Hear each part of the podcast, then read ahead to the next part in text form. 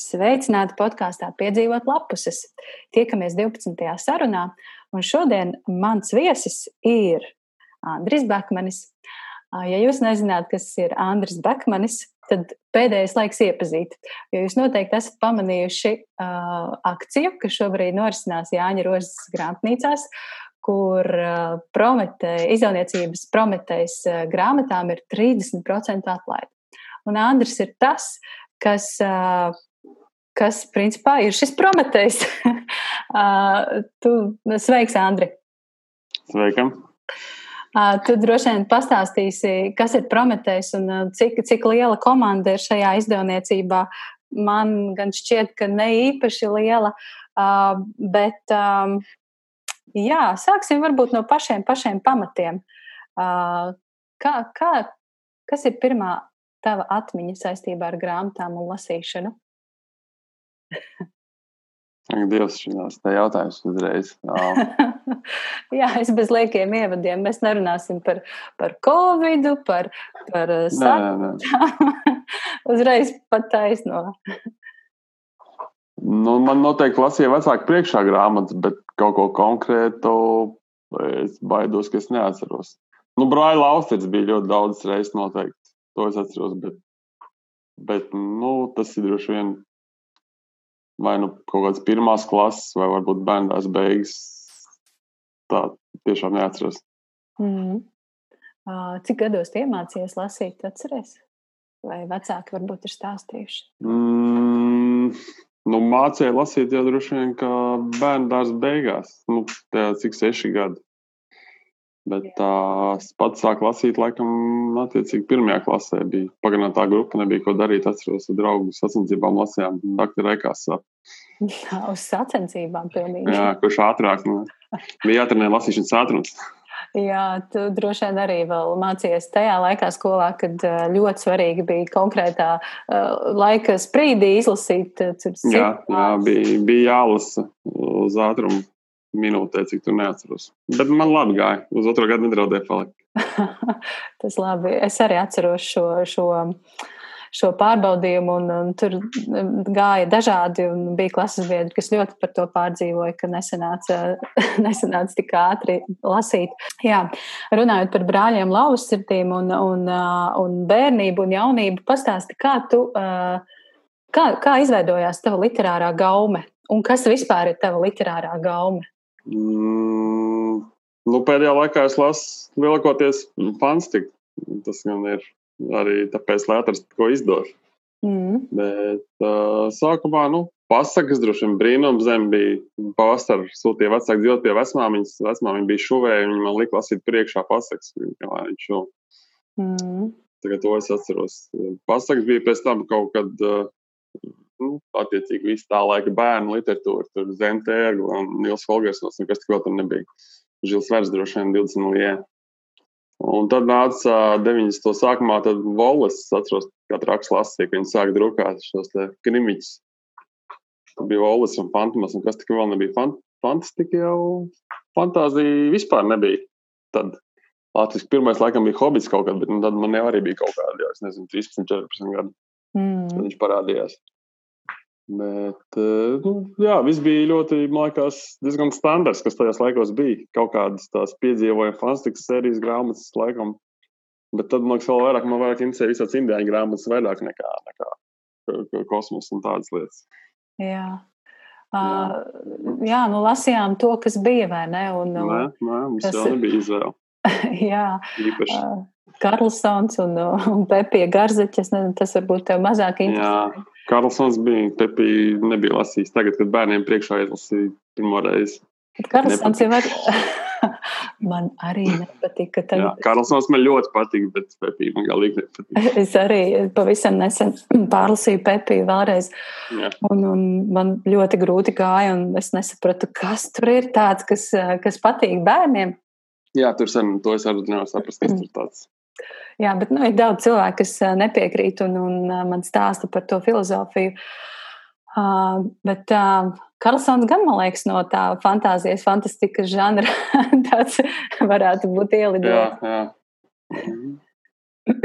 nu, labi. Bērnu, bērnu literatūra jau bieži vien no tā žanra.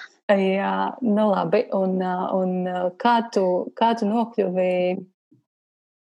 Jā, kā tu nokļuvi līdz tam, ko šobrīd izdod Prometējs? Kāds bija tas ceļš?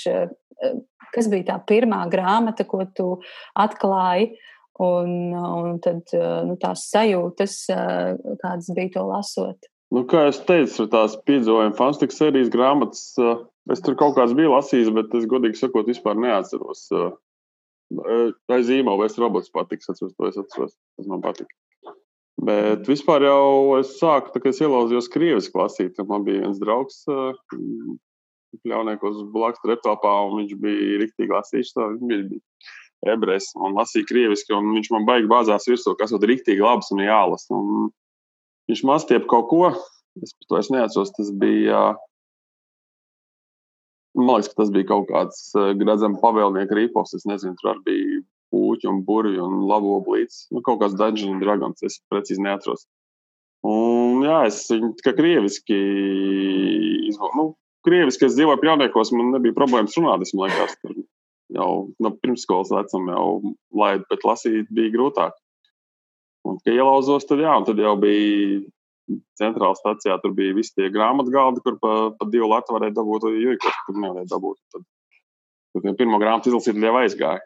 Tad, tad es pie tā arī, jā, no tā es neesmu īsti atkāpies. Nu, protams, Frīdu bija tā, ka lasīju, kad sāk kaut ko nopietnāku palasīt, bet, bet tā fantastika tas tā, ka, kad noriebjās tik apkārt visi nopietni, tad, tad, tad tas ir kaut kas tas, kas palasīt un atpūsties no ikdienas. Tu saki, ka uh, tas ir kā atslodzi no, nopiet, nu, no nopietnās jā, ikdienas, jā? nu, jā, jā. Man jūs jau pa, paši redzat, kas te apkārt notiek. Diezko priecīgi neiet, ja tajā baigi iedzīnās. Un, un paņem jā, bet... to fantāziju, tad tā ir cita pasaule un cits cits ķibels un ir kaut kāda iekšējā ticība, ka tur vismaz labi viss beigsies. es atkal mm, to, ko es esmu lasījis no fantāzijas un fantastikas žanra. Uh, tieši Prometēja izdotās, uh, izdoto literatūru, mm -hmm. man uh, vienmēr ir licies, ka tā pasaule ir tik ļoti nopietna un nu, pārsvarā ir, protams, dažādas, dažādas grāmatas un Tur par, eh, par slepkabotu mēs varam varbūt eh, Jā. runāt, un tur ir varbūt vairāk ironijas un tāda kāda sarkasma īpatnēja. Bet eh, pārsvarā šī pasaule ir ļoti nopietna, un tur viss tik saspringti notiek. Un, uh, es atceros, uh, vispār pati pirmā Prometēja uh, izdotā grāmata, ko es uh, paņēmu rokās un sāku lasīt, tā bija uh, Hugh Hovija Vilna. Jā. Un, tas man bija ļoti, ļoti liels pārsteigums, kā fantāzijas, fantastikas žanrs ir, ka tas var būt tāds.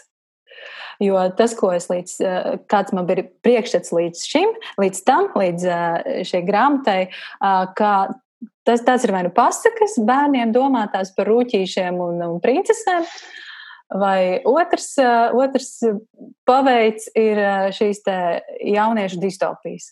Uh, un, un, un ļoti klasisks viss... latviešu uzskats par žānru. Jā, jā un, un es izlasīju šo te vilnu, un man tas bija tik liels pārsteigums, ļoti patīkams. Es tā aizrāvos. Uh, kaut kā man pārtrūka šīs ceļš, un es neizlasīju pārējās divas nodaļas, bet es joprojām to turu uh, prātā, ka man tas ir jāizdara, un man ļoti, ļoti interesē, interesē kas notiks tālāk un kā tā pasaule attīstīsies. Un, un, un, un, uh, jā, tas, tas man bija liels pārsteigums. Um, kas, kas tevi pārsteidz šajā žanrā? Vai, vai tajos senajos laikos, kad tu to sāki iepazīt, vai, vai kaut kas tevi pārsteidza vispār? Nu, nu, te laikam kaut kā jānodala. Pirmkārt, ir nu, žanrs ir viens, bet nu, kā nodalās faktiski fantastika no fantāzijas. Ja? Mm -hmm. Tas escapisms, par ko es pirms tam runāju, tas vairāk tikai tā, uz to fantāzijas līniju iet, bet vilna un viss arī tas, ko prometējis vairāk, ko es izdodu vairāk, ir uh, fantastika. Un fantastikā jau principā rakstnieku uzdevums ir ieskatīties kaut kādos potenciālajos uh, vēstures attīstības virzienos, varbūt uzmodelēt kaut kādas situācijas un savā ziņā arī brīdināt, varbūt, lai cilvēkiem būtu aizdomāties par to, Mm -hmm. Un, ja mēs runājam par šo pašu vilnu, tad, uh, principā, otrā grāmata, ko es neesmu lasījusi, bet kas ir tā kā, tā teikt, pirms tās, par ko tie, kā, kā tie elevatori tur vispār tika būvēti un viss tas. Es teiktu, ka tas, nu, ja man teikt, ka tas notika Trumpa Amerikā, tad tas, principā, tā uz to velk, uz to velk, ka ir daži bar, bariņš bagātīgam, un citiem ir noskauties, kā viņi tagad uz skolu dzīs bērns un ko tur vēl darīs, jo, nu, mm. lai reitingus nezaudētu. Tā kā, tas ir tas, ir tas uh, fantastikas, uh, es domāju, tas ir viens no tiem uzstādījumiem. Un es tā arī skatos, man jau, principā, man dibinot to promptēju, viena no tām domām bija, ka parādīt uh, parādīt un apgāzt tieši šo uzskatu latviešu lasītāju, ka tas nav tikai rūķi, puķi un, un, un, un trī, trīs stūris eh, pēc eh, atomkara mīlestības. Ja. Eh, Cik klasiski, jā, šis ir, jā. ir labi teikts. jā, tā kā tā, kā tā jā. Mm. Es jau aizmirsu, ko mēs runājam. Aiz, Mēs par to pārsteigumu, pārsteigumā jā. mirkli šajā žanrā, bet jā, paldies, paldies ka tu ievadīji uh, mani šajā tēmā. Uh, kā tev liekas, uh, kā, kur latviešu vidējais lasītājs apmēram ir šobrīd, kad uh, Prometējs šķiet pirmo grāmatu izdeva 12. gadā, ja es nemaldos? Nē, 93. beigās. 93. Es 93. gada sākumā nodibināju uzņēmumu, un 93. gada beigās mēs nodrukājām jā, rūktās sēklas. Jā, jā, sen. Sāk skaitīt, ast, jā, jā, 8. gads. Jā. Pagaid, 90. De, ne, fū, es kā 93. 13. 2013. 2013. 2013. Nē, nē, nu, mēs trešajā esam skolā gājām. Es domāju, vai tiešām tas ir. Nē, nē, nē, nē, es, nē, nē, nē, nē, nē. Es, jā. Skaidrs, jā, 13. 13. gads, rūktās mm. sēklas. Jā, jā. Tātad šobrīd ir pagājuši septiņi gadi. Kur mēs esam šobrīd? šobrīd 3.1 izdod grāmatu un uh, viņš jau tāds kā nogurums iestājies. Aha. un, un es vakar tieši skatījos, jā, kā tā pašā sēdīgo uh, fantastikas pasauli, kas bija padomu laikā, kas arī izdeva šādu tipu literatūru. Viņiem bija, viņi bija 16 gadus un izdeva laikam 51 vai 52 grāmatas. Es biju domājis, ka es varbūt varētu viņiem mēģināt pielīdzināt. Mm. Tad vēl ir mazliet. Mazliet no, jā, ir. jā, jā, vēl mazliet, vēl ir, vēl jāsaņemās. Jā, jā. jā. Uh, Tu esi, mm, es paklausījos interviju ar tevi. Man šķiet, ka es esmu vēl kaut kur dzirdējusi ar tevi interviju vai lasījusi, mm. uh, bet tā, ko es uh, pēd, nu, pat paklausījos, tā bija saruna ar Spīgu un Spektori. Mm -hmm. Viņas raidījumā uh, Radio 5, kas, diemžēl, vairs nav uh, raidījuma. Radio vēl ir. Radio vēl ir, bet raidījuma, diemžēl, nav. Uh, un, un tur tu stāstīji par to, kā Prometējs izveidojās šis. Te, Jā tas ir tāds, nu, man liekas, vēl viens piedzīvojums, vēl viens piedzīvojums, stāsta cienīgs uh, notikums. Nu, nu, tāds, uh, Jā.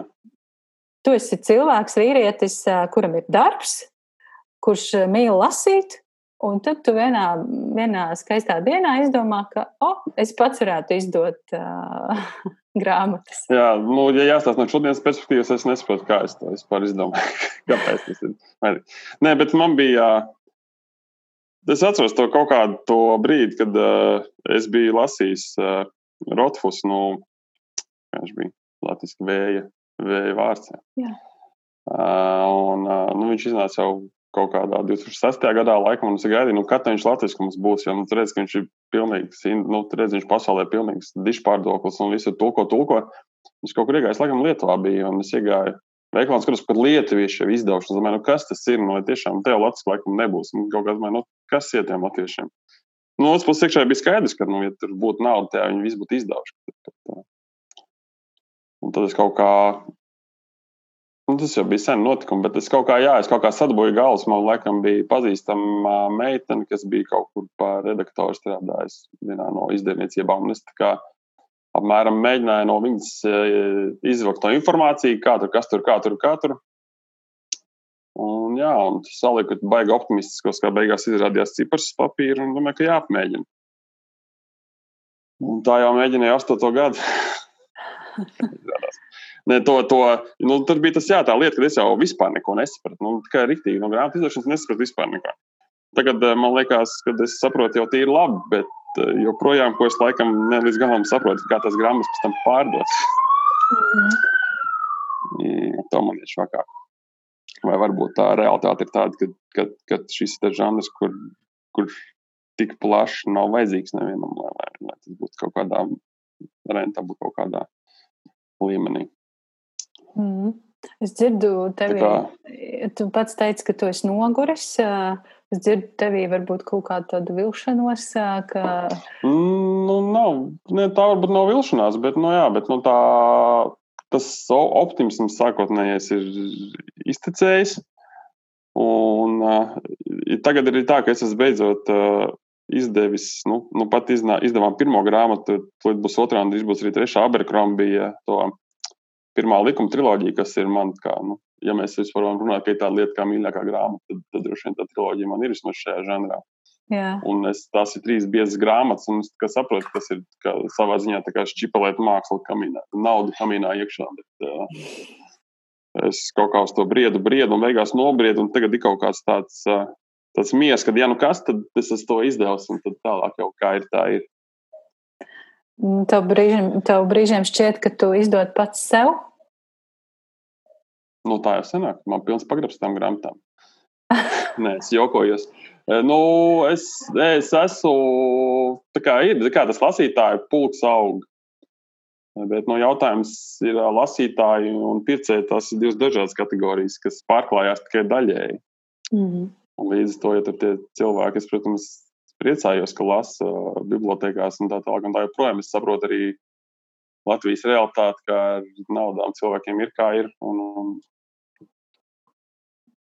viss ir, nu, kā saka, kā ir, tā ir. Un, un, un tur nav, tas nav ne labi, ne slikti tā, tā situācija. Un, uh, jā, nu, respektīvi, tas man ir, tas jau nav nekāds biznesa. Tas arī man patīk. Es esmu dzirdējis tādas replikas, nu, ka, kad citi cilvēki iedomājušies, ka šis kaut kāds baigais bizness. Es nezinu, kam kā grāmatu izdevniecība, kā biznesa, bez kaut kādām papildus subsīdijām. Es nezinu, tur cits tiek izdot latviešu rakstniekiem, tur kultūra kapitāls un kas tur vēl. Jā. Vai tie, kas tulko tās Eiropas grāmatas, tiem atkal tur tās no tās valodas. Un valsts, nu, no kuras tulko tie tur visādi Eiropas fondi, viss un tas un tas. Man jau nekā tāda nav. Ja? Nu, zvaigznēs, nezinu, spīļoju, ka viņam tomēr tāda mācību grāmatas un viss tas ir ļoti liels atsvars visam tam, ko viņi dara. Un plus vēl tādi tie, tie dišpārdokļi, kas apmaksā tās labās grāmatas, viņi pēc tam izdod. Man jau nekā tāda nav. Man ir tikai tā, tas man hobijs. Tā kā es saku, tas ir vienkārši dārgs hobijs. Tas nodarbojas. Nu, bet uh, es teiktu, ka tev ir lieliska literārā gaume. Un, Jā, un tas, tas, ko izdod Prometējs, tas ir Tas ir vienkārši apbrīnojami. Un, un es varu teikt tikai paldies par to, ka tu to esi izdarījis. Jo es, es būtu tā arī savu dzīvi nodzīvojis ar saviem rūtīšiem un distopijām jauniešu. Un nemaz neuzzinātu, ka ir. Ka arī pieaugušie var lasīt šādu žanru un kaut ko gūt un saprast, saprast dzīvi. nu, viss Latviešiem ir kaut kāda īpaša stigma. Es šo nesaprotu, godīgi sakot, līdz galam. Jo labi, fantāzija, tā kā nu, padomju saimnībā, tā kā nē, kapitāls mūri, kas tur, kas tur. Bet tomēr visur apkārt, ja paskatās, nu, visur citur tajā austrumērā, tomēr diezgan labi viņus lasa. Un, un, un tām visām tām diezgan daudzām tām slavenām grāmatām, tomēr nu, vienkārši mēs esam mazi un mēs to esam miljoni. Mums tie, tie fantāzijas lasītāji ir vēl tik maz tā daļiņa, ka nu, nav rentabli. Tāpēc tie cilvēki jau tā dusmojās, ka, ka, ka piemēram, kāds, kāds cits izdevniecības, ka viņi izdod pirmo grāmatu un tad neturpina, un tad mums pļaudās, tagad nekā vainu vainu. Mm -hmm. Un ne jau viņi tur aiz, vienkārši aiz ļaunu prātu neturpina. Ne, pirmo grāmatu nepērk. Un, un, un kas ir skaidrs arī, ko, ka otro grāmatu tāpat pirks vismaz pat trešdaļas sliktāk nekā pirmo grāmatu, tad, tad latviešiem bieži vien tā kapacitāte tieši ir, tas to pirmo grāmatu, tad tā grāmata ir kaut vai nulēm varētu pietuvoties. Mm. Nu, tā tas ir. Un šis ir tas žanrs, kur cilvēki mīl ieskrieties. Tā teikt, nu, labi, ja pabeidzās jau tikai triloģija, bet mēs jau zinām, ka šis gudrinieks raksta 60 un 20 grāmatas. Ja. Cilvēks tur izsapņojas to savu skaisto pasaulīti, un tad, protams, viņš viņu ir gatavs rakstīt gadus 30. ne jau viņš pie vienas grāmatas tur to skaisto pasauli izdomājis visiem maģijas likumiem un vispārējiem. Jā, klausies, bet kas ir tas, ar ko tu lepojies saistībā ar Prometēju? Kas ir tā grāmata, varbūt, par kuru tu nu, īpaši sev gribi uzsist uz pleca? Nu, cik labi, ka es šo esmu izdarījis. Šitā nedrīkst. Nu, tad nedrīkst prasīt. Tas tas pats, prasīt, kurš ir tavs mīļākais bērns.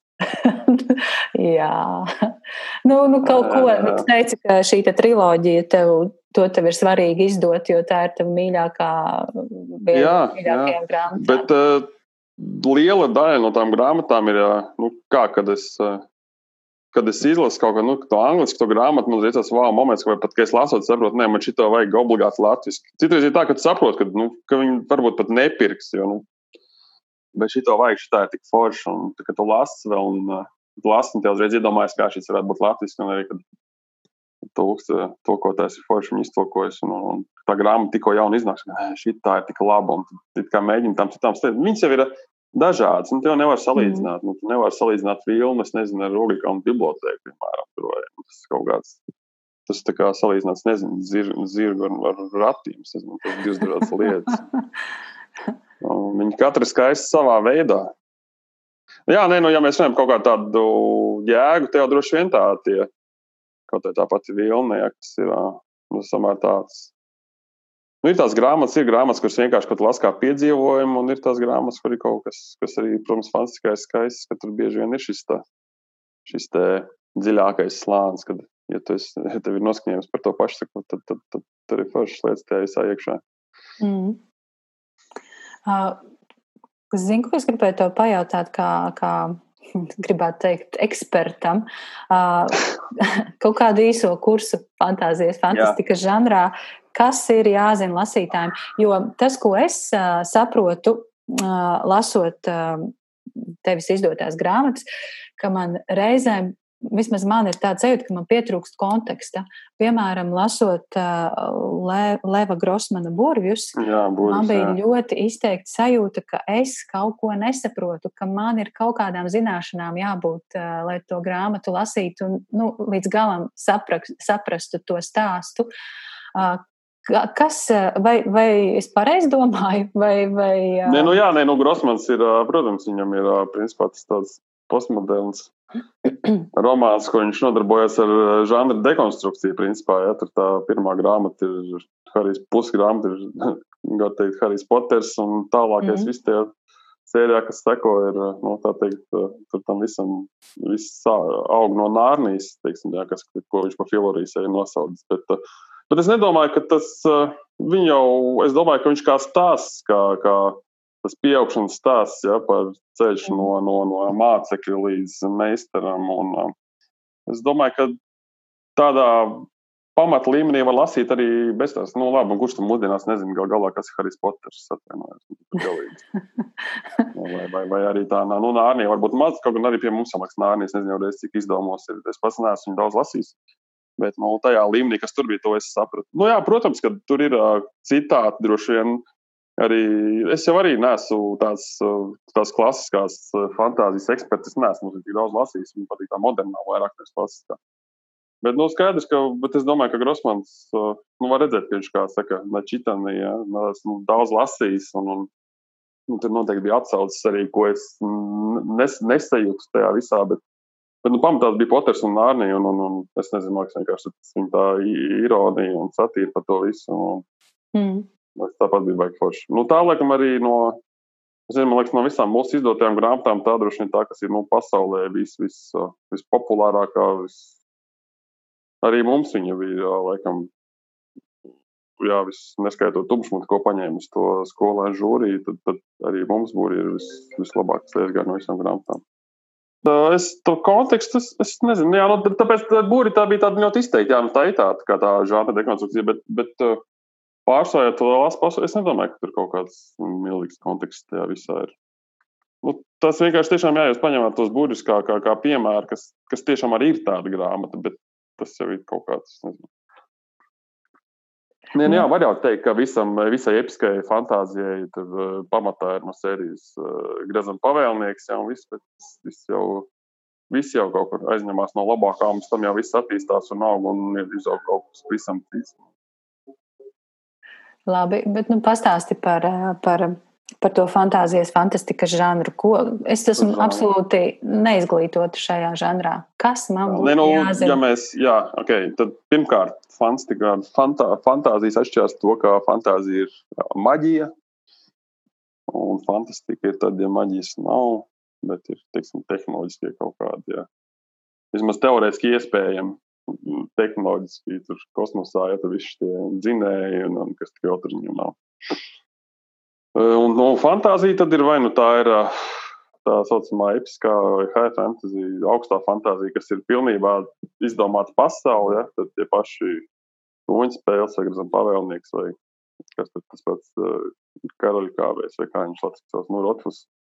Tad arī autors izdomājis pats savu pasauli, un tad viņš tur bija tur milzīgs notikums, ja uh, pasaules mēroga. Tur, es nezinu, vai tur ļaunā impērija vai nu kas nāk virsū, un tad tur vien tie varoņi ir, un, un, un tas ir, tas tā, nu, tas ir, laikam, viens no tiem populārākiem. Vai pats populārāk. Bet, nu, tur, protams, tā problēma, jā, ka tur vienmēr nav komplektā nu, desmit stējumi, ne, bet, nu, apmēram, jā. Un līdz ar to līdz latviešu lasītājiem, latviešu valodā tas ir diezgan nereāli, ka varētu atnākt. Mm. Jā. Jā. Es jau, jā, Cik daudz tu zini par šī žanra izcelsmi un, un to, kā un kāpēc tas Izcelsmi. radās? kā un kāpēc. Ā, nu es uh, tikai to, ko es pats esmu kaut kur pa kādiem stūriem, vai nu izlasījis, vai nosapņojis, es neatceros. Kā, ne, kā žanrs, kā tāds, tā mūsdienu fantāzija, nu tā, nu, droši vien ir tas, uh, tā tad, uh, Tolkiens par savu grezenu pavēlnieku un hobitu, un tas Nārnī, kā to autors sauc Lūis. Un arī tad viņi abi divi bija tas, viņi, ka viņi bija karā, Pirmajā pasaules karā piedalījušies, un tad, attiecīgi, cilvēkiem bija atskatījušies uz skaistajiem pasaules notikumiem. Un, un laikam, tad uh, izdomāju, tā, tas- ir tas escapismu elements tajā visā, kad uzrakstīšu kādu pasauli citu, kur, kur ir labi un melni, un kur viss, kur viss daudz maz skaidrs. Mm. Man ir kaut kāda noteikuma, pēc kā arī viss darbojās. Bet tas tā ļoti aptuveni. Es nezinu, es saku, es, es nezinu, man tas tik ļoti neinteresē. Es- Un turklāt tās versijas tik dažādas, ka Bārbalai Simpsonai ir grāmata, uh, izcēlus geogrāfija, ja nemaldos. Un Mhm. Viņa ir principā doktora uh, darbu, laikam, rakstījusi par to. Un var izlasīt, un viss ir ļoti dziļi izanalizēts, kas un kā. Skaidrs, tad, tad man būs jārunā ar Bārbalu vēl Jā, jā, jā, par šo jā. visu. Uh, bet, Nē, bet fantāzijas elements jau kā tāds, nu, es nezinu, nu, Šekspīrs ir pilns fantāzija. Nu, līdz kaut kādam reālismam, literatūrā tur tā, tas tā nebija īpaši nodalīts. Nu. Hamlets runājas tēvs poku un tādā garā. mm. Fausts tur ko nelabot uzsē. Tas viss Mm. fantāzija, nu, ja mēs tā piesienamies. Nu, jā. Kas tur Dantas dievišķā komēdija? Jā, ne, ne, nu, jā, nu tas, tas, tas, tas lielais reālisms ienāca kaut kādā 19. gadsimtā, kad, eh, kad to reā, reālismu literatūrā skudroja, kas tur franči, krievi un kas tur vēl pēc tam. Mm. Tas tā. Kas, kas būtu tas, ar ko tu ieteiktu sākt no Prometēja izdotajām grāmatām? Nu, Tādam, tādam mazam nezinītim kā es, nu labi, es kaut ko mazliet esmu Jā, jā, jā. lasījusi, bet varbūt ir kāds klausītājs, kas šobrīd klausās, īsti neko nav lasījis no tā žanra un no Prometēja, ar ko tu ieteiktu sākt? Nu, īstenībā labi varētu to, to vilnu sākt. Tur problēmas, ka viņi vairs nevar nopirkt. Mēs viņu esam visi iztirgojuši. un, un, un, bet, ja var dabūt bibliotekā, tas ir tāds, domāju, labs sākuma punkts. Jo viņi ir laba, viņi aizraus uzreiz un viņi interesēs. Man ir tā, ka es cenšos tā dažādas tās grāmatas paņemt. Tur, protams, tie žanri un apakšžanri ir ļoti daudz, un es kā mēģinu kā izdot no visas padrusciņa, lai cilvēkiem tā kā tas pēc plašāks tas iespējas rodās. Mums gan fantāzija, gan fantastika, gan, gan uh, nu, jā. Mm. Es leksikonu varu lasīt, tas ir arī tāds, teiksim, salīdzinoši par, par vārdu buriem, teiksim tā, tas ir par cilvēkiem, par slepeno, trilieši par slepeno organizāciju, kur tā tad, tur tā teorija tāda, ka ir kaut kādi, mums visiem katram ir savs kaut kādi vārdi, kurš tev, nu, vai būtu kombinācijas, kur tev pasakot, atkarībā no to psiholoģiskā tipa, ka tev var paņemt pilnīgā kontrolē kā vērku. Tā kā tā ir tā slepenā organizācija, kas analizē tos, un, un katrā, katrā valodā sava. Un tā viņi tā kā meklē tos slepenos vārdus. Un, nu, tā, tās, tas tāds, principā, trillers ar uh, fantastikas elementiem. Un, uh, Poši ātri lasās, uh, un, un arī tur nav, nav teiksim, no tā, kā jābūt beigām fantāzijas fanam, lai varētu lasīt. Tas mm -hmm. ir mhm. tāds, es teiktu, vienkārši, varbūt, ja gribās kaut ko tādu nosīt. Var lasīt uh, Vārnu, Vārnu sešinieku, kas principā ir tāda ocean banda jaunieši ar, ar, ar nelielu tur maģisku piestienu. Tur, protams, varbūt interesantāk, viņam tur brigādē viens no visiem meistariem burvs, jā, burvē. Tas arī tās, nu, es nezinu. Nu, man viņas visas ir. Katrā ziņā es varu teikt tā, ka tas, ar ko es sāku ar tām rūktajām sēklām, tā laikam bija nu, tāds stipri savdabīga iz, izvēle, jo tas, tas bija tāds rīktīgi uzreiz jau tāds, neteiksim, hardcore, bet nu, tāds, jā, ko varbūt fantastiski nelasīšu, un cilvēkam uzreiz tādu iedot, viņš pabūvīties. bet, nu, jā. Man par rūktajām sēklām ir viens tāds interesants stāsts. Es pati nesmu lasījusi šo. Tā ir triloģija, laikam, ja? Jā, jā, jā. jā. Man ik pa laikam uzraksta kāds paziņa vai draugs vai, nu jā, paziņa un, un, un ar, ar jautājumu, nu, man te jāiet ciemos, ko tu iesaki uzdāvināt. Es gribu uzdāvināt uh, grāmatu, ko tu iesaki. Un tad man uzrakstīja kāda paziņa un, un saka, ka viņas tētim ir jubileja. Viņam ļoti patīk lasīt, viņam ļoti patīk piedzīvojumi un vēsture. Un, un es ieteicu šo triloģiju. Un, un tagad tu pasaki, ko, ko es ieteicu. Man, uh, es kaut kur biju lasījis, ka... Atsauksme nav dzirdēta. Nē.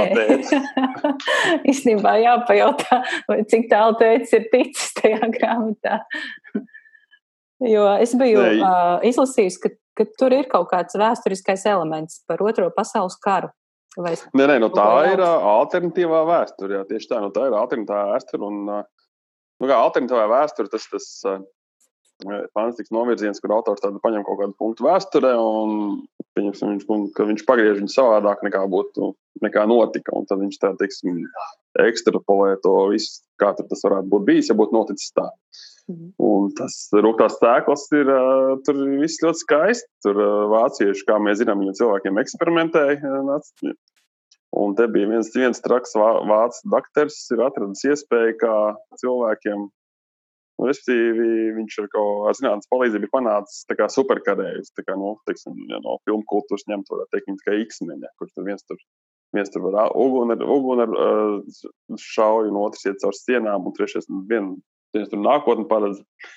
Un angļi tā tad, lai likt kaut ko tādu pārspēkam pretī, viņi izrādās, viņi atrod, ka ir. Viņiem ir kaut kāda slepena biedrība, burbuļi, kas tā kā, bet viņi nevis tā kā burbuļi, bet viņi principā tā kā sarunājās eh, ar, eh, Lovecraftiskām eh, pārdabiskām būtnēm, kas, kā, kuriem cilvēki ir skudrs. Ja, viņi, kā, maksājot uh, asins upuri, tu vari panākt, nu, ka viņš tev kaut ko izdara. Un tie angļi tur, teiksim, viņi tur, uh, tur nolaiž kluso kādu vilcienu no sliedēm, bet tad uh, tie, tie dēmoni uzbur uh, virs uh, tēmas miglu, un tad vācieši attiecīgi nevar veikt uzlidojumus Londonā. Nu, tādā garā. Un tur pa vidu ir teikt, viens parastais aģents no sērijas James Bonds, kurš tā teikt cilvēks parasti viņš nav ne burts, ne pārcilvēks, bet viņš tā kā, tā kā tajā visā iesaistīts. Un, jā, un tad tā nu, īstenībā super. Liekas, protams, kā vispār kaut ko tādu izdomāt, nu, ja, tā, ja tā paņem. Bet, jā, nu, tā pirmā grāmata ir tas otrais pasaules karš, tad uh, otrā grāmata ir attiecīgi kaut kāda 15 gadu vēlāk. Bet, nu, pat cik, protams, dēļ visām šīm uh, pārdabiskiem notikumiem tas karš beidzās savādāk nekā mums. Un, tas nevar stāstīt, kas bija tālāk. Bet, jā, bet, nu, Restīvi super. Uh, nu, man, kas izlasīja, man liekas, nu, tur bija tas moments, ka nu, neko tādu nebija lasījis. Vispār tas ir kaut kas tāds. Un tas arī rakstnieks uzrakstīs to grāmatu, principā, un plielam to triloģiju. Pa lielam kaut ko viņš pēc tam ir rakstījis, bet, nu, pa lielam viņš klusē pēc tam. Tas bieži vien tā ir, ka tās visinteresantākās grāmatas ir pieņemts. Tāpat ir mums ir tā Ogļu biblioteka arī. Rakstnieks, kurš rakstīs, tur viņš pat nav rakstnieks, nu, nosacīts rakstnieks. Viņš rakstīs visu mūžu instrukcijas kaut kādām datorprogrammām, tur Linuxiem un kam tur vēl. Un pēkšņi viņš paņem un uzraksta tādu ogļu bibliotēku, kas izlasa, ka vienkārši uzsprāgst galvu, ka kā vispār kaut ko tādu var. Un tagad atkal viss ir pagājuši jau cik gadi, un atkal nekā nav viss. Viņam kaut kas tāds iekšā sēdēja, vienkārši fantastiski. Mm. Viņš izšāva to lodu un viss. Atkal kaut kur aizpildīju no sākuma jautājumu. Jā, Nē, bet... ļoti, ļoti labi. Viss, tu, tu labi visu izstāstīji un ieintriģēji, un es pati gribu izlasīt jau tās rūgtās sēklas un, un saprast, ko tad es esmu ieteikusi cilvēkam, kam patīk vēsture un piedzīvojumi. Nē, ja cilvēks ir atvērts, uh, prāts, kas uh, tad Es domāju, ka būs ok. Man teica, kurš ir pensionārs, izlasīja, bija ļoti aizrāvies un teica, ka baigi forši. Mm. Tā kā galvenais atvērt prātu to visu lasīt. Nav jau historija kanāls. uh, nu jā, tas gan. Uh, um, Ko es gribēju jautāt? Jā, par to, par to tomēr daudzveidību, ko tu jau minēji. Jā, tur jā, ir žanri jā. un apakšžanri. Kaut, kādā, kaut kādā ļoti interesantā veidā uh, Prometējā ir arī tāda ārkārtīgi liriska, manuprāt, grāmata Evas Landerijas uh, savādās tās uh, skumjas, kas ir viena jā. no manām mīļākajām grāmatām vispār, ko es esmu jā. lasījusi. Kā, kā Liekas, tā tur nonāk? Un vēl tā ir viena no Prometēja vissliktāk pārdotajām grāmatām. Tiešām? Kāds tā Jā, būt? un tieši, tieši tāpēc, ka viņi iekrīt kaut kādā grāvī starp žanriem. Jo Prometēja lasītājam, teiksim, viņa varbūt nav tas, ko viņš cerējis. Un prometēja nelasītājiem viņš viņu nepaņems pastīties, jo tas ir prometējis. Mm. Un tā grāmata, protams, ir absolūti brīnišķīga. Jā. un, bet, jā, viņi ir absolūti. Viņi tagad arī ir. Viņi maksā šajā akcijā, es nezinu, cik var nopirkt par 4 eiro. Varbūt, viņi. Ah, jā, oh, es. Jā. Uh... Visiem var ieteikt, tas ir maģiskais realisms, jā, mm -hmm. nevis uh, fantāzija. Nu, kaut gan tas ir, protams, arī fantāzijas apakšā bāzums, bet nu, tā ir literārā fantāzija, jau to tā sauc. Mm. Absolūti lielisks stāsts. Un, es arī nebūtu nav nekādas sieviešu literatūras, arī izlasīju. Bet tas es viņu izdevu tāpēc, jā, ka bija. Es biju domājis, ka jāmēģina varbūt, ka varbūt kaut ko tādu varētu aiziet labāk nekā kaut kāds standarta prompte grāmata, bet bija otrā grāvī. Mm. Es noteikti, es nezinu, ja ir kāds klausītājs, kas klausās un, un, un domā, ko varētu nopirkt no Prometēja, tad šī ir tā grāmata, ko es noteikti iesaku. Manuprāt, ļoti skaisti. Un to, un to noteikti var lasīt visi, kas nelasa šo žānu. Jā, nu, nu, jā es, es piekrītu. jo jā. tur ir, jo tas maģiskais realisms tur ir tik tā, tik, nu, viņš ir ļoti skaisti iepludināts iekšā. Es teicu, liriska grāmata. Uh, ļoti jā. tāda romantiska. Un, un, jā, redz, ka tu saki, ka patīk arī uh, vis, visiem gandrīz. Vai? Jā, nē, nu, man patīk. Nē, es neesmu tāds uh, romantiskās literatūras lasītājs. Viņa, viņa ne, nu, ok, tā ir. Viņa ir romantiskā, bet viņa nav tāda romantiskā mm. izpratnē, klasiskajā, ko mēs teiktu, ka tā ir romantiskā literatūra. Mm. Tas ir par dažādām mīlestībām. Mīlestība var būt dažāda. Un tur viņas bija ļoti dažādas, dažādas veidos. Labas, sliktas. Tas, tas, ko es uh, secinu, ka, ka, ka ļoti universāls tomēr ir Prometējs. Tur ir, uh, re, ir uh, kaut kas uh, tāds liriskāks, ir kaut kas pavisam jā, jā. fantastisks un tāds, kā jā. tu teici, uzspridzina smadzenes. Un tad ir, uh, man ir ārkārtīgi milzīgs prieks par Tumšmutas sēriju, kas ir uh, literatūra bērniem. Mm, nu, tādiem 11 nu, gadniekiem. Un es ļoti priecājos. Es izlasīju visas, eh, cik tur četras grāmatas ir. Jā. Izlasīju visas, un, man, eh, un, un īsnībā es esmu pateicīga par šīm grāmatām, tāpēc, ka es eh, vēl nesen biju literatūras latviešu valodas skolotāja, un vislielākā problēma ir tā, ka kaut kur 11 gados puišiem vairs nav ko lasīt. Viņiem, nu, viņiem nav, nav literatūras. Viņi man saka, skolotājs grib lasīt, bet man neinteresē. Nu, vairs, vairs greks neinteresē. Ja. Un tad tā, tas, ko, ka, ko tur meitenes lasa, viņas vispār neinteresē. Bet es arī nevaru neko ieteikt. Un tad ir šī tumšmuts sērija, kas ir nākusi kā tāds glābiņš. Un, un es gribu prasīt, kas lūdzu vēl būs jauniešiem un, un puišiem un arī meitenēm, kam patīk šis žanrs? Nu, tumšmutē es viņu arī izdevu, tāpēc īstenībā tā, tā doma bija man tāda, ka man pašam uh, trīs dēli uz to brīdi viņi bija. Tā arī bija, kad nu, es principā gribēju izdot kaut ko tādu, ko man dēli varētu lasīt tad, nevis, kad viņi paaugsies tā viss sākās. Un tumšmutas tas bija tāds, ka pirmo grāmatu paņēma to skolēnu žūriju. Un tur līdz ar to skolēnu žūriju uzreiz iet nu, ļoti liels. Tā grāmata, respektīvi, ļoti daudz pirkt. Tur viss bibliotēkas iepērk, tur Nacionālā bibliotēka iepērk veselu kaudzi un sūta uz ārzemju diasporām un skolas pērk. Un, un arī mammas uz vasaras brīvlaiku ieiet veiklā, pastāst to sarakstu un nopērk pēc sarakstu. Un tā pirmā grāmata bija super aizgāja. Un es uzreiz, protams, domāju, ka baigi forši. Un, kad, nu, es domāju, ka ja pirmā aizgāja forši, tad, nu, tad, tad nākšās vismaz normāli aizies. Un tagad man ir pilns pagrabs ar tumšmuti. un tās, sākot ar otro daļu, viņas visas aizgāja tieši tāpat, kā, principā, es teiktu, ka Es nezinu, 80% no prompt grāmatām aiziet līdzīgi. Tur kaut kāds nu, tie pārdošanas apjomi īpaši neatšķirās. Vai tā ir Nu, principā es varu izdot, ko es gribu. Es zinu, kas, cik es pārdošu mēru. Tas tajā brīdī es sapratu, vienā, ka, nu, kad, ka nav jēga tā mēģināt izdot kaut ko tādu, kas varbūt patiks kādam citam, kam nepatīk promptēs, jo tad es labāk izdodu tomēr to, kas man pašam rīktīgi patīk. Mm. Un tā kā arī tā tumšums eksperiments beidzās mm, nosacīt neveiksmīgi, un es arī tajā virzienā īstenībā neskatos. Mm. Jo, jo man tā ir prompt bet arī fakts, un par ko es uh, pilnībā piekrītu par to, ka nav ko lasīt bērniem. Mm.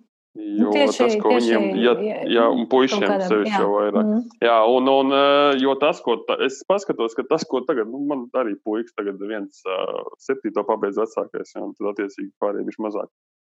Tas, ko uzdod viņam lasīt, nu, tas ir tas pats, gan viss, ko man uzdeva lasīt pirms attiecīgi gadiem, nu jau 30, jā, 25.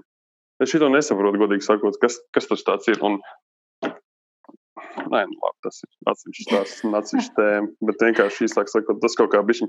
Un bija, es atceros, bija tas stāsts, ka vienā Jāņa Rozes veikala vadītāja par šito bija Twitterī ierakstījusies arī par, nu, cik var, cik mēs gadus lasīsim šito un to. Mm. Kas tur, un, un viņai pēc tam nācās no Twitter izdēsties, jo tur tāds vēlās naids pār tam visam, vienkārši vājprāts vienkārši kaut kāds.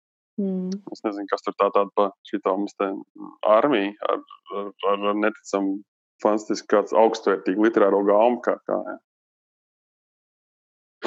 jā, tas, tas, tas ir kaut kā, jā, es to nesaprotu. Mm, es tomēr es, es ļoti, ļoti gribētu kaut kādu, es nezinu, kā, kā es varētu tevi pierunāt. vai, nē, nē, nu, vai, kā, nē, nu, pirmkārt, kaut ko padomāt, kā... tomēr un atrast um, tiem jauniešiem bērniem? Nē, nu, cik tie jaunieši? Nu, man jaunieši jau var lasīt arī, es nezinu, nu, puika 12, 13 gadīgi džeki jau lasa arī, nu, meitenes arī. Bet sakno sacelšanos triloģiju mierīgi lasīt, tur nav nekas tāds. Jā, tas ir rīktīgi aizraujošs gabals. Man, bērni, man iedod tajā vecumā tādu, es nezinu, pa nakti negulētu droši vien lasīt. Tā arī tā ir tā. Tas ir, kā kaut kur bija rakstīts, viņas principā sākums ir kā bada spēles, tikai labi, labi uzrakstīt, un, un pēc tam aiziet tur visas saules sistēmas mērogā un darīja kastu revolūciju un viss kā vajag. Mm. Super, super aizraujošs gabals. Un arī visā, teiksim, pasaulē ļoti labi lasīts un pirks un Latvijā kā parasti. Jā. uz akciju, uz akciju. Kā, nu, baigs skumji klausies, bet, uh, bet kā, kāds ir tas Prometēja fans? Nu, kā, kādu tu viņu redzi, vai varbūt jau esi iepazinis savus kvēlākos fanus, kas gaida katru grāmatu? Kā, kāds apmēram tas cilvēks ir? Nu, dažādi. Nu, es teiktu, droši vien Nu, jaunieši, pavisam jaunie, jums mūsdienās daudz lasa vispār angliski uzreiz. Viņi nemaz negaida, ka tur kāds Latvijas kaut ko izdos. Tā kā tur ir kaut kādi, nu, grūti teikt, no nu, ap 30 varbūt viņš zem droši vien. Un tad uz priekšu. Mm. Vīrieši, bet kā, es, es jau, man nav tāda, nu, kur, tā vieta, kur es tos cilvēkus satieku. Es vairāk reizi gadā izstādē ķīpsels grāmatu. Mm. Un tad tur arī tur Nu, protams, jā, kad standarts ir katru reizi, nu, kad cilvēks tādējādi saprot, ka šis varētu būt manējais, bet tad pienāk pilnīgi negaidīts variants. Tas viss skaistākais, ka atnāk kaut kāds nu, tāds rīktīgais sirmais tēvs ar baltu bārdu. Viņš ir, oh, burviem, trešā daļa, man pirmās divas ir, un tu, tu tā priecājies, ka kaut kā šitāds, nu, nu pilnīgi tas ir visforšākais, jā, kādas tantiņas, es esmu lasījis pilnīgi visas jūsu grāmatas, paldies jums, ka jūs izdodat. Nu, Tad, jā. Mm, jā, vai arī, protams, un, un otrs skaistais, protams, kad, kad, kad bērni, ka bērni velk vecāks pie galda un rāda, vai man šī tā vajag, šī tā vajag. Tas arī smuki. Mm. Un tad mamma paņem to grāmatu, pagroz, pagroz rokās, novaiksās, kā ejam. Mm. tad ir dusma, vai ne? Nu, tā vienkārši ir. Jā, tas ir skumji. Man liekas, tas ir likums numur viens. Ļaut bērnam pašam izvēlēties. Nu, man, ja man bērns parādītu, ko viņš grib, es tur nediskutētu reiz nopirkt. Mm. Bet, nu jā, katram savs. Kā man būs tev viens jautājums par valodu, bet, mm. uh, bet pirms mēs ķeramies pie šī jautājuma, es gribu uh, žigli pareklamēt kādu podkāstu. Citu mm. podkāstu ar nosaukumu Pieturzīmes. Un, jā, šis podkāsts ir par latviešu valodu un par valodas tēmu kā tādu. Un, kā mēs zinām, neviens teksts, neviens literārs darbs bez pieturzīmēm nevar dzīvot. Un, tāpēc es iesaku no sirds visiem iesaku paklausīties podkāstu pieturzīmes, kas ir sarunas ar valodniekiem, dzēniekiem, valodas speciālistiem par valodu mūsos un Latvijā un mums apkārt. Nu, lūk, un tas jautājums par valodu, manuprāt, fantāzijas žanrs un, un fantastika žanrs ir interesants ar to, ka, ka tajā ļoti saudabīga valoda, respektīvi, tur rodas vārdi. es vairāk domāju Jā. par, par, par tulkošanas jautājumu, kā vispār šos darbus ir iztulkot, jo es domāju, ka daudzu terminu vispār nemaz nav latviski. Un tajā jau pieminētajā sarunā ar Spīganu jūs runājāt par šķiet, tas bija Aizimovs, kurš radīja vārdu. Jā. Jā, pēc tam es par to ilgu un dīgu dzirdēju, ka es esmu mokības sarunājis, jo izrādās, ka tas bija Čapeks. Nu, tas nav būtiski, protams, tā nianses. Jā, bet, bet Jā. Eh, šis žanrs ir, man, manuprāt, ļoti eh, īpatnējs, īpašs ar to, ka eh, tajā rodas termini, vārdi, Jā. līdz ar to pasauli, kas tur ir radīta. Un tad Jā. tas mans jautājums ir, kā to ir, kā to ir tulkot labi? Tu, es nezinu, tu pats droši vien, ka neesi baigi ķēries pie tulkošanas, Nē, varbūt es. Nedodies. bet, ko saka tulkotāji? Jā. Nu, jā, fantastiku man, nu, to pašu slepkabatu un, un visu. Man jau Melgals tulko, kas pat ir rakstnieks, un viņi īstenībā ļoti šajā visā iedziļinās. Un man jau reizēm liekas, ka pat daudz jau lasītājs to nenovērtē. Bet, protams, tas, ko viņi dara, tas ir um, apbrīns vērts. Un, un, un, jā, nu, jo, jā, ja raksta fantastika, tas ir viens, ir, tas ir fantastikas aspekts, ka tā nākotne un tās jaunās tur, no, terminoloģijas un tas. Bet otrs variants te tulkošanā atkal ir fantāzijā, kur ir visi tie izdomātie vietu nosaukumi un vārdi un viss tas, kas latviski bieži vien, kas, kas man liekas arī uzreiz padara to sajūtu līmeni, jo šitā jau ir bērnu literatūra, no serijas kā Potterā, ja, ka tur visādi šie te tur, nu, šeit, vai kā, kā, kā hobitā, kad Gradzam pavēlniekā bija tur tie Arī neatceros. Bet nu, bija respektīvi Grēzā pavēlnieka lielākā bēda latviešu, kad tulkojums viņa ir padarījis praktiski par bērnu grāmatu, to, ka, ka cilvēks pļaudās par to, kas ir nodarīts latviešu valodā Grēzam pavēlniekam. Kaut gan pat tulkotājs, cik saprotu, bija stāvā sajūsmā par savu darbu. Tuntuks, kas viņš bija, bija tas bagins laikam. Oh, jā, un, un arī tāpat lasot tās pašas truņu spēles, latviskās, ja, nu, kad, nu, kad, tas, kad tu lasi to angliski, tu tā, nu, tā no tā mācību valoda, laikam, tu tā neuztver. Bet tajā brīdī, kad pārējais Latvijas valodā, tur viss šie īkstīši un visādi parādās un tie, tie vieta nosaukumi, kurš, protams, autors tā arī ir domājis, ka tā tur ir tā baltupa un vēl kaut kas tur un vēl kaut kas tur. Bet Latvijas valodā to vispār pārcelt, tas tā dīvaini liekas. Jā, jā. Tas, man vienmēr arī ir diskusijas kokotājiem, cik ļoti mums to vajag un man vajag mums to vajag. Un tad, jā, Tu teici, ka tūkotāja Ieva Melgalva ļoti iedziļinās, jā, jā. tūkojot. Kā notiek tā iedziļināšanās? Viņa tev kaut ko jautā, pārjautā? Nu, tas viņa pašai. Nē, viņa man vispār, man ar mm. tūkotājiem nav, mums tas ir otrādā. Notiek tā, ka tūkotājiem ir angļu teksts, un tad uh, viņš jau mums atsūta jau iztulkot iztolkot grāmatu, un tad pēc tam attiecīgi redaktors lasa, un es arī lasu, un tad mēs tur diskutējam, ko varbūt šitā vai tā. Nu, labi, arī, arī jau tur diskutēt kaut ko, es nezinu, viņi tomēr valodu, valodu zina, saprot un jūt pāris līmeņiem augstāk nekā es tur, es pat nemaz nemēģinu iesaistīties. Mm. Jo viņai tāpat būs taisnība droši vien. bet, jā, bet tas es neesmu tāds, tas nav īsti jautājums pie manis. Mm -hmm. Labi, runāsim ar tūkotājiem. Un kā jā, ir, jā, kā jā. ir tūkot jā. šo žanru?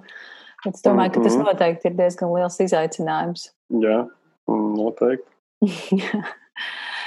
ne tikai, jo ir tas aspekts grāmatām, ko es teiksim, tā kā citi runāja, vai kā tur plūst tas teksts un ritms un paskatīties šo rinkopu, to rinkopu.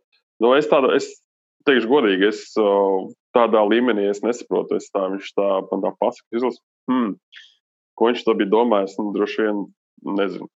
Ir citreiz, jā, ka tu lasi, protams, ka tā, ka tā nu, mūsu gadījumā mēs lasām, kā, kā tulkojam, ka tas tulkotājs ir skaisti to vispār nes. Bieži vien arī es domāju, ka mēs maz, kad oriģināls varbūt pat nav tik skaists, kā tulkotājiem izdevies. Tā Ieva Melgāvas simt punkti ir tas, viņa, viņai noteikti tās grāmatas labāk nekā oriģinālā. Tā valoda vismaz. Tas ir, tas ir tas, ko, ja es piekrītu, ka, jā, ka ja tu vari lasīt, tad jālas oriģinālā, tad tas ir tas gadījums, kad, kad nelasa labāk latvijas. Un tu pats pārlasīji tās iztulkotās grāmatas vēlreiz? Visu, es visu pārlasu, jā. Es visu pārlasu, un es piedalos tā kā tāds āršķirts redaktors ar saviem padomiem un ieteikumiem, kur man pašam mm. liekas, ka kaut kas ķerās vai, vai. Mm. Es domāju, ka tas ilgsīs pietiekoši daudz, es kā, nu, kaut kāda jau tā izjūta ir izstrādājusies iekšējā, ka kaut kas mm. valodas. Jā, jā, pastāsti, pie, jā. pastāsti par to, ko tu pats lasi šobrīd. Šobrīd? Jā. Uh, šo, nu, es nezinu, es šobrīd uz doto brīdi lasu nu, pat aizgājušā Bankovska pēdējo grāmatu pasaules vēsturi, kas teorētiski skaitās fantāstikas žanrā, kā es tas stāstīju. Mm -hmm. Bet, nu, jā, bet, nu, tur ir cik tā Bankovskis tā teikt, tikko neizgājis, tad es labāk neturpināšu par šo grāmatu runāt, jo es neesmu sajūsmā. Jā. Bet, nu jā, tagad ir tā, tagad es to promptēju dibināju, es uzreiz sastādīju jau kaut kādu sarakstu ar grāmatām, kuras kā varētu izdot. Un, un, protams, pa laikam viņš tiek papildināts, bet tagad es esmu sasniedzis to brīdi, kad, kā, kad es esmu visu izsmēlis to sarakstu, man tagad ir jāmeklē klāt kaut kas, un es pastiprināti lasu kaut ko no žanra, meklēju, ko, ko, ko varētu, protams, turpmāk izdot. Mm. Bet, ja, ja tā kā pats sev, ka es lasu, man vienā brīdī bija uznācis, šogad sākumā es latviešu literatūru diezgan, diezgan daudz stāstu visās lasīju, kas man bija tās sakars, ka bija diezgan daudz bija izdoti, un, un gan Joņies jaunais, gan, gan kas tur bija Vladis Spāre un mm -hmm. Svens Kuzmins. Un, jā, latviešu rakstnieki ir jālasa. Kā tev patīk? Kaut vai tāpēc, lai, ka, lai mēs mācītos valodas savu, lai nebūtu kaunu, kad jājauc. uh, latviešu rakstnieku dažādi, dažādi. Man ļoti, ļoti, ļoti patika Kuzmina Hohma. Tas mm -hmm. bija tiešām man viņa pirmā grāmata, neatceros, kas tas ir, šam, pilsētas šamaņa. Man mm -hmm. nevisai, un es nebija arī nu, tas kosmos daudz. Jo man ļoti patīk Svens Kusmins, tas, kur viņi, tas viņa, kāds saucās etīžu teātris, tas nērtās, tas viņam lielisks, tur ir foršs humors, un zinu, ka viņš, viņam ir foršs humors un viss. Un, Bet tā pirmā grāmata bija tāda, ka viņš kaut ko tur manā izpratnē gribēja gudri uzrakstīt kaut kādu uķu, puķi, un viņš pat daudz bija atdalīts no realitātes manā gaumē. Bet tā hohma bija kaut kā viņam ir izdevies noķert to balansu starp, starp kā foršu stāstu.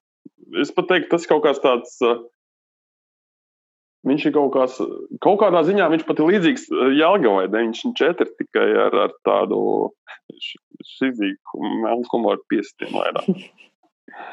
Jo tas arī ir kaut kāds laikmats, tajā, nu, tā hohma, kas ir acīm redzot kaut kāda, nu, es nezinu, es sapratu, tā bija kaut kāda jūrmālas daļa. Apmēram tie visi tie notikumi, tas viss asociējās, ja viņš mans vienaldzis, un līdz to tas, ko viņš raksta, tā kā saprot, man tas tā rezonēja, un plus arī tie joki, tur bija, bija tikai riktīgi labi lielākoties, un tas viss bija baigi labi, ļoti labi. Un, jā, Joņevs, Jālgā man patika ļoti, ļoti jaunie stāsti, man nu, droši vien kaut ko es gaidīju pat daudz vai citu. Man līdz to galīgi neuzrādīts iztisks tajā grāmatā. Un cilvēkam grūti nāca saprast, cik viņš ir gads tur rakstīja un rakstīja un rakstīja. tur tas viens stāsts arī par to cilvēku, par to čaulu. Es lasīju pati. Tīģeri? Tīģeri, jā. jā. Nu, tur viens, nu, tie stāsti dažādi. Bet, nu, tā, es saku, es izlasot to grāmatu, man bija tā sajūta, apmēram, ka es lasu kaut kādu kopoto rakstu pirms pēdējo sējumu, ja, kad nu, nu, tika atlikuši tikai vēl autori sarakstē ar citiem uh, rakstniekiem no sevis, ja, korespondents. Mm. Tā kā tur tāds baigais kišmišs tāds. Nu, Tur tas viens raksts arī ir par, par latviešu rakstnieku, kurš dzīvo Francijā. Viņš ir saņēmis to valsts naudu, un ka nu, visam viņam gaida to grāmatu, tas tur bija latvieši, un ka viņam nav ko rakstīt īsti. Viņš tur prokrastinē. Un, protams, viņi tur visādi figūri notiek. Tā kā tā. Bet, jā, nu, raksta viņš forši, bet ko viņš raksta, tas ir cits jautājums. Mm. Un vēl kas man ļoti, ļoti patīk, tās latviešu rakstnieks Vladis Spārs. Es nezinu, nu, es pieļauju, ka viņš ir daudz par mazu lasīts, nekā, jo tas ir kaut kas ļoti unikāls. Viņa humors. Tu, te, uh, viņam ir tas tagad, viņam iznāca stāsts krājums, tas gājiens, klibo zirdziņu vai kas tamlīdzīgs. To es esmu lasījis, pavisam nesen. Un kā tev patika? Man patika. Un kaut kur internetā man sanāca ar viņu aprunāties, padiskutēt. Jā. Nē, viņš, viņš ir pats, viņš ir pilnīgi traks. Ar viņu nevajag, nu, viņš ir, ar viņu nedrīkst. Viņš, viņš kritizēja, viņš kritizēja šo podkāstu. Tad, jā, jā tad es viņam, viņš ir. Nē, tad es viņam tā kā pretī uzrakstīju, nu, tā kā jā, jā. kaut ko, kaut ko, un teicu, ka es labprāt ar viņu aprunātos podkāstā, un, un tad es atļāvos viņa šo pēdējo mm, stāstu krājumu salīdzināt ar Aleksandru Čaku. Un, un, un, un tad uh, viņš ir tā, uh, nu, nevarēja saprast, kā viņš to uztvēra. Uh, es, nu, tur, tur, tur tā mums apstājās tā Jā. saruna. Bet uh, man likās, jā, ļoti kaut kas līdzīgs. Viņam patīk uh, runāt par to mazo cilvēku un par tādiem, par tādiem neveiksmīgiem dzīves, un, bet jā. humors tur bija ekscelents vietām. Jā. Es smējos. Nu, jā, tur ir, viņš liek smieties par tādām lietām, kurām pieklājīgi nevar smieties. Pat liekas, ka nevarētu smieties. Bet, jā, viņam tas iepriekšējais romāns arī bija pirms kādiem gadiem, trim, četriem zvaigzni bija izdevusi arī. Tur nevar dabūt visu, ko vēlējies. Arī. Mm. Nu, mhm. viņš tādā pašā garā, tikai arī tur ir trīs lūzeri, principā diskutē par neko visu grāmatu. Mm. Vienkārši, nu, es nezinu. Es neko citādi neesmu Latvijas, lasījis latviešiem. Tas ir absolūti latviešiem. Viņam tā, tā, tas, kā viņš raksta, tā, viņš kā viņš to valodu, viņš, viņš kaut kā tas vārds, viņš pilnīgi, nu, kā vārdiem ir dažādas nozīmes. Un viņš tiem vārdiem tur tā ideja, ka tie cilvēki visu laiku runā, viņi, viņi viens otru nedzird. Un, Viņš pārslēdzās, viens runā pāri zvejošanu, un otrs tajā pašā pārsvarām runā, un trešais jau pa kaut ko. Un tu lasi un domā, kā vispār šito var uzbūvēt. Tas ir kaut kāds fantastiski. Bet tur, tas kaut, kā, kaut kādā interesantā veidā strādā un aiziet. Jā, un... jā, tas, jā, tas nav, tas absolūti strādā reāli. Tur tas neliekas necik samāksloti. Mm -hmm. Tas ir, tu esi to noteikti ieteicis kaut kas super. Tas tiešām super. Mm -hmm. Un tas humors ir, jā, tāds, es teiktu, tādā inteliģenta melns. jā, jā, tas es, man kaut kā ļoti spilgti iespēdies prātā ir tas uh, jūgs par homeopātiju un, uh, un, un prezervatīvu ēšanu. tu atceries, tu neatceries. Jā, tas, tas bija tajā stāstu krājumā. Um, nu, skaisti mēs šķiet kādu stundu jau runājam. Esam jau tuvojās beigas. Pār... Nē, mēs, varam, mēs varam runāt, es nezinu, līdz, līdz beigām varam runāt. Bet, Varam. Bet kas ir tas, ko tu pats vēl vēlēsies pastāstīt par Prometēju? Vai, vai ir kaut kāds uzsauciens klausītājiem vai pareklamē? tev ir mājaslapa, prometējiem ir mājaslapa, kur grāmatas var nopirkt. Jā, tik es esmu pētījis. Jā. jā. Uh, Pastāst, jā, uh, vai tu jau esi izlēmis, kas būs nākamā grāmata? Tikko ir iznācis kaut kas pavisam svaigs, paraklamē. Jā, nu, tikko burtiski pagājušajā nedēļā iznāca karas suņi, mm -hmm. kas ir, tā ir pirmā, pirmā reize, kad Prometējs izdod grāmatu no autora, un kur viņš jau ir izdevis grāmatas, Jādrina Čaikovskis. Mēs pirms gadiem diviem izdevām viņa laika bērnus. Mm -hmm. Viņš ir, manuprāt, viens no mūsdienu tādiem plašākajiem zinātniskās fantastikas rakstniekiem. Viņš raksta arī ļoti daudz. Nezinu, viņam maksā gada aiznāk divas, trīs grāmatas. Nezinu, kas viņam tur pagrabā pieķērdās, kas pat pēta ķermī, kas to izdrukā. Bet viņam ir ļoti tās idejas, baigi interesantās. Tā kā nav tāds sajūta, ka visu laiku lasi vienu to pašu. Un, un ja laika bērni bija par, par tur tā ideja, ka cilvēki nu, tā, ir baigi, jo tik ļoti tehnoloģiski attīstīti, ka viņi izdomā, ka viņiem ka viņi paši mēģinās kā, radīt dzīvību, un viņus kaut kādu tālu planētu aizsūta pērt, nu, pērtiķus kopā ar vīrusu, kas pātrinātu viņiem to evolūciju, respektīvi, ka tur to garo posmu cilvēkiem, kas bija viņi iziet tur kaut kādās salīdzinoši, es neatceros, cik tur bija domās tajās, nu, kaut kādos pār tūkstošu gados. Un tas uh, viss pasākums aiziet šķērsām, un tas pētiķi ieiet atmosfērā sadeg, bet uh, izdzīvo kukainīši, kas bija tajā kā steldas vīrus. Uh, vīrusu evolūcija notiek ar kukainīšiem, galvenokārt zīmekļiem. Un tad viņš autors vienkārši uzrakstījis, uh, principā, cilvēku evolūciju tikai zirnekļiem. Un mm. rīktīgi interesanti. Nu, protams, tur arī ir cilvēki, jo Zeme pati ir sagandēta un viņi dodas uz to planētu, nezinot, ka tur tie zirnekļi ir. Viņi dodas tā, tā pēdējā iespēja, kur vispār cilvēks ir turpināties. Un, pusgrāmata ir par cilvēkiem, pusgrāmata par zirnekļiem. Mm. Tur vairāk neko īstenībā stāstīt, bet nu, tas ir super super, super interesanti. Un tā ir tāda diezgan tāda saucamā science smagāka, tur, teiksim, arī, kas zinās, kā fantastika, kur diezgan daudz ir tie no uzsvars tieši uz to zinātnisko aspektu, kas varbūt uh, citiem tas liekas garlaicīgi, droši vien, es nezinu, bet, uh, bet katrā ziņā tas ir kaut kas tāds arī ļoti interesants. Nu, un tagad mēs izdevām viņam karas suņus, tur atkal ir stāsts par uh, dzīvi, par to, ka cilvēki laboratorijās radījuši dzīvniekus, arī augmentējot. Viņi ir padarīti par ieročiem, bet viņiem ir saprāts. Ir galvenais tas varonis. Tā, ir reks, kurš ir suns, divmetrīgs, ir galvenais suns. Un arī un jautājums par to, ka ja mēs esam radījuši šo, šo sunu, nu šo, šim viņš vairs nav dzīvnieks, bet viņš ir, protams, nav cilvēks. Un tad jautājums, vai viņš, viņš, vai viņš ir vai nav lieta un, un kāds ir mūsu atbildība par to, ko mēs esam radījuši. Un, protams, jo suns, sunim kāds ir sunim, viņa uzdevums ir būt labam sunim. Viņš grib klausīt savam saimniekam un apmierināt savu saimnieku. Bet, ja tev tas saimnieks tā teikt, ir maigs gabals, tad, tad, tad kas tur tālāk? Un vai suns ir vainīgs pie tā, kādas viņam komandas tiek dotas? Mm. Un rīktīgi arī interesanti. Un, un, un nav gara, tā kā, ja cilvēkiem ir tik garas grāmatas, viņiem ir kāds 300 lapas, puses ātri lasās, var ieteikt. Tiešām, mm. tiešām jauka, jauka grāmata. Un tālāk, ir, nu, tālāk mums ir Aberkrombijs šogad paredzēts otro un trešo daļu izdot. Pats asmens jau ir kopš pagājušā gada beigām veikalos. Tā ir tā iepriekš minētā mana ļoti, ļoti mīļā fantāzijas triloģija par. Principā tas ir, es teiktu, mūsdienās fantāzijā tāds ļoti populārs novirziens ir, kas saucamais Grimdārks es nezinu, kā klasiski, nu, neteiksim, ka drūmā fantāzija, bet tur ir uh, ideja tāda, ka, ja klasiskajā fantāzijā ļoti skaidrs, kurš ir labais, kurš ir ļaunais, tad, uh, principā, var teikt, Džordžs Mārtiņš savam troņspēlēm padarīja populāru uh, to variantu, kad īsti, ka viss ir skatpunkta jautājums, ja, ka tu lasi gan labo, gan noscīt, nu, ka, nu, ka nav labā un ļaunā, bet tā teikt, ļaunums ir perspektīvas jautājums. Un, un tas aberkrombiem ir tas tieši tas pats, ka viņam visi tie varoņi, principā, viņi visi ir maigs gabalā.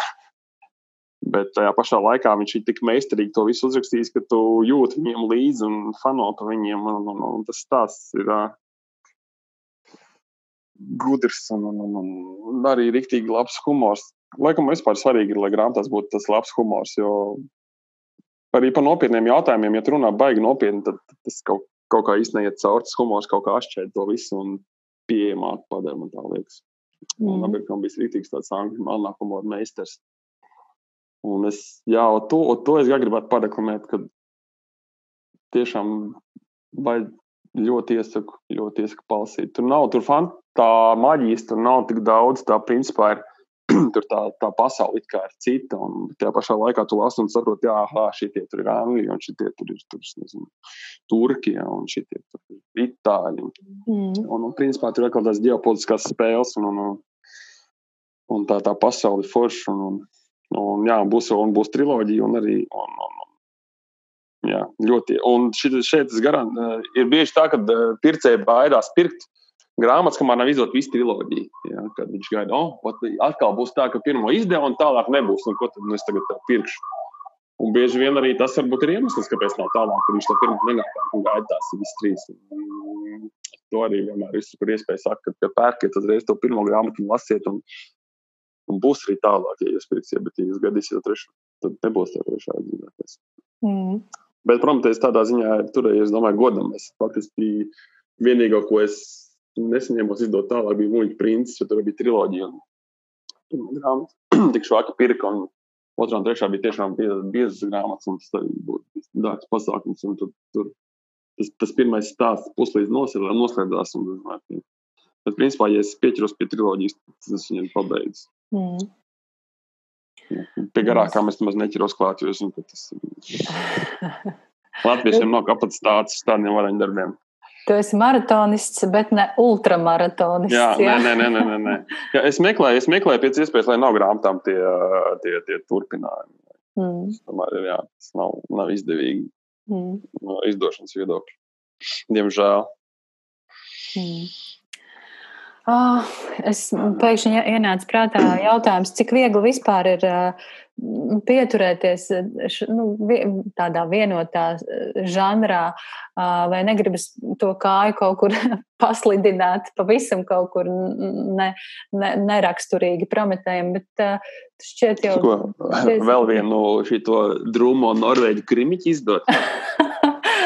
Bet uh, man šķiet, viņa, ka tu... Man liekas, mums viņa nepietrūkst.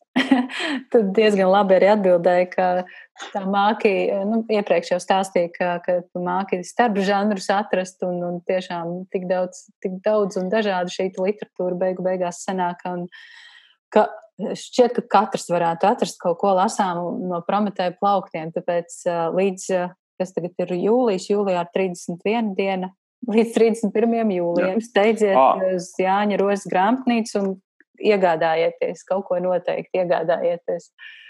Jā. Un, ja šaubās cilvēki mūsu mājaslapā, pilnīgi visām grāmatām var lieplādēt pirmās 30 līdz 40 lapas puses mm. un izlasīt grāmatai un apskatīties, vai tiešām ir tā, ka galīgi nedara, vai varbūt tam arī ir interesanti un interesē. Mm. Tā, tāda funkcija mums tur ir. Mm.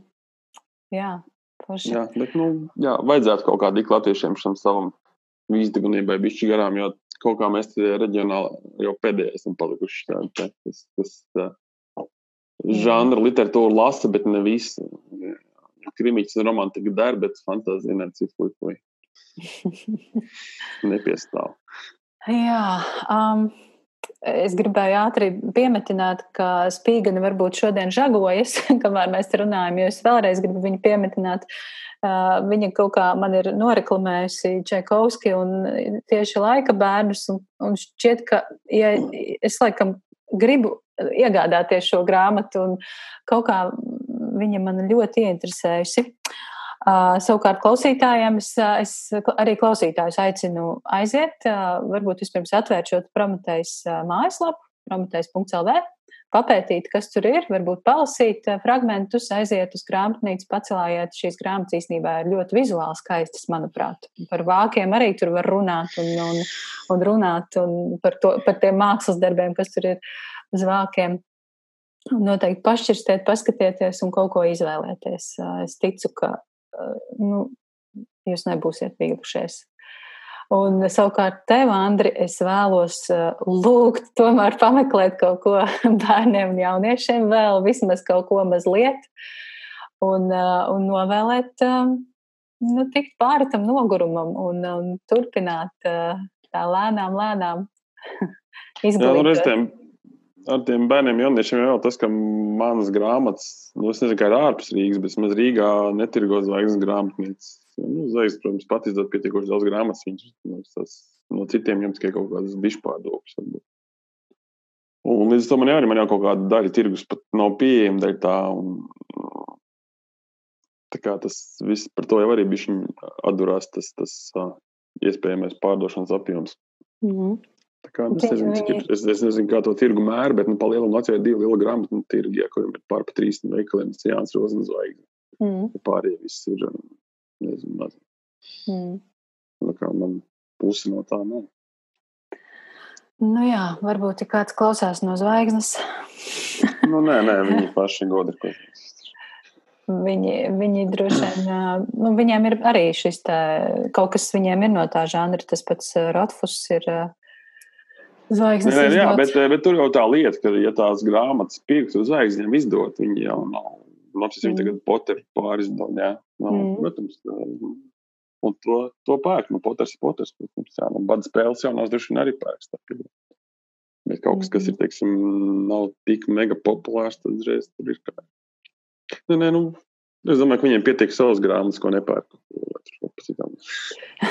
Visas tās nu, nopietnās, labā literatūra nav tā. To, to, to jau var redzēt veikalā, kad cik ātri grāmatā parādās uz atliešu galdiem.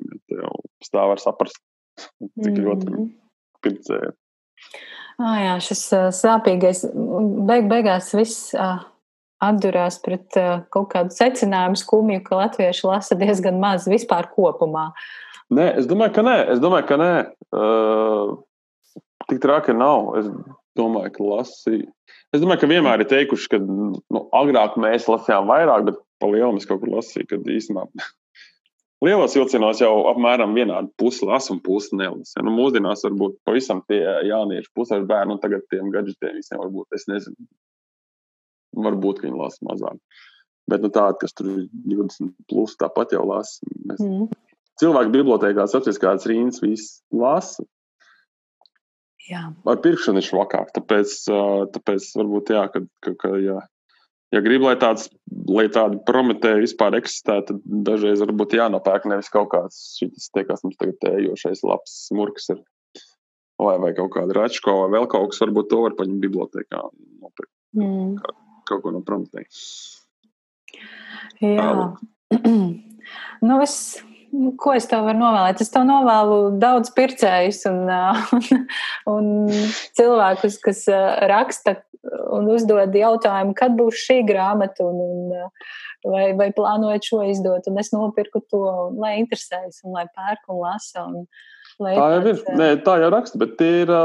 Tie ir vieni tie paši cilvēki. Man kaut kāda tāda grupa ir izveidojusies, jā, kaut kāda, es nezinu, ka tie ir nu, pārsimts, varbūt cilvēki, kas tiešām ir tie riktīgie. Mm. Man būtu kaut kāds, kaut kā, es nezinu, kā, vai tas par iespējams veikt kaut kādu tādu nākamo soli, ka, ka tu vari vismaz pietuvoties tam. Man jau pat neinteresē, man ir, es naudu pelnu pamatdarbā, un šis ja man tiešām ir hobijs, bet, nu, lai vismaz man nav tāda nauda, tik daudz tā pašam jāinvestē savā laikā. Es esmu gatavs investēt, bet uh, nauda vienā brīdī man apniks tajā visā lika papildus iekšā. Tur tas ir jautājums. Un, ja, es, ja, ja, es, ja es atradīšu, kā to darīt, tad jau nav problēma. Jau, es priecājos par to, ko es daru, bet nu, zinu, kā visam savu robežu. Var kaut kādā brīdī varbūt jādod citam panest to nastu. Jā, lāpu, lāpu. lāpu, lāpu Pats jau vainīgs, kā, kā viņš teica, kā, kā bija, kā tā, bija, ka kāds savu kuģi nosauks, tā viņš peldēs. Nosauc sev pa prometēnu, kaut brīnīs, ka tā sākums tagad ēt. nu, jā. Um, Nu, ko, Andrēs, es tev teikšu paldies par šo sarunu. Manuprāt, ļoti aizraujoša, interesanta. Un, uh, es nezinu, es noteikti esmu ieinteresēta izlasīt uh, vēl vairāk no Prometēja. Un tas, ko es esmu izlasījusi, tas man patīk un pat ļoti patīk. Un to es novēlu arī klausītājiem. Lasiet Prometēja grāmatas un, un ja iespējams, lūdzu arī kaut ko iegādājieties. Un tā kādreiz mums vēl jātaisa tā saruna par žanriem. Jā. jā. Jā, ok, labi. Viss, jā. Labi, jā. jā paldies. Okay, paldies. Jā, tā.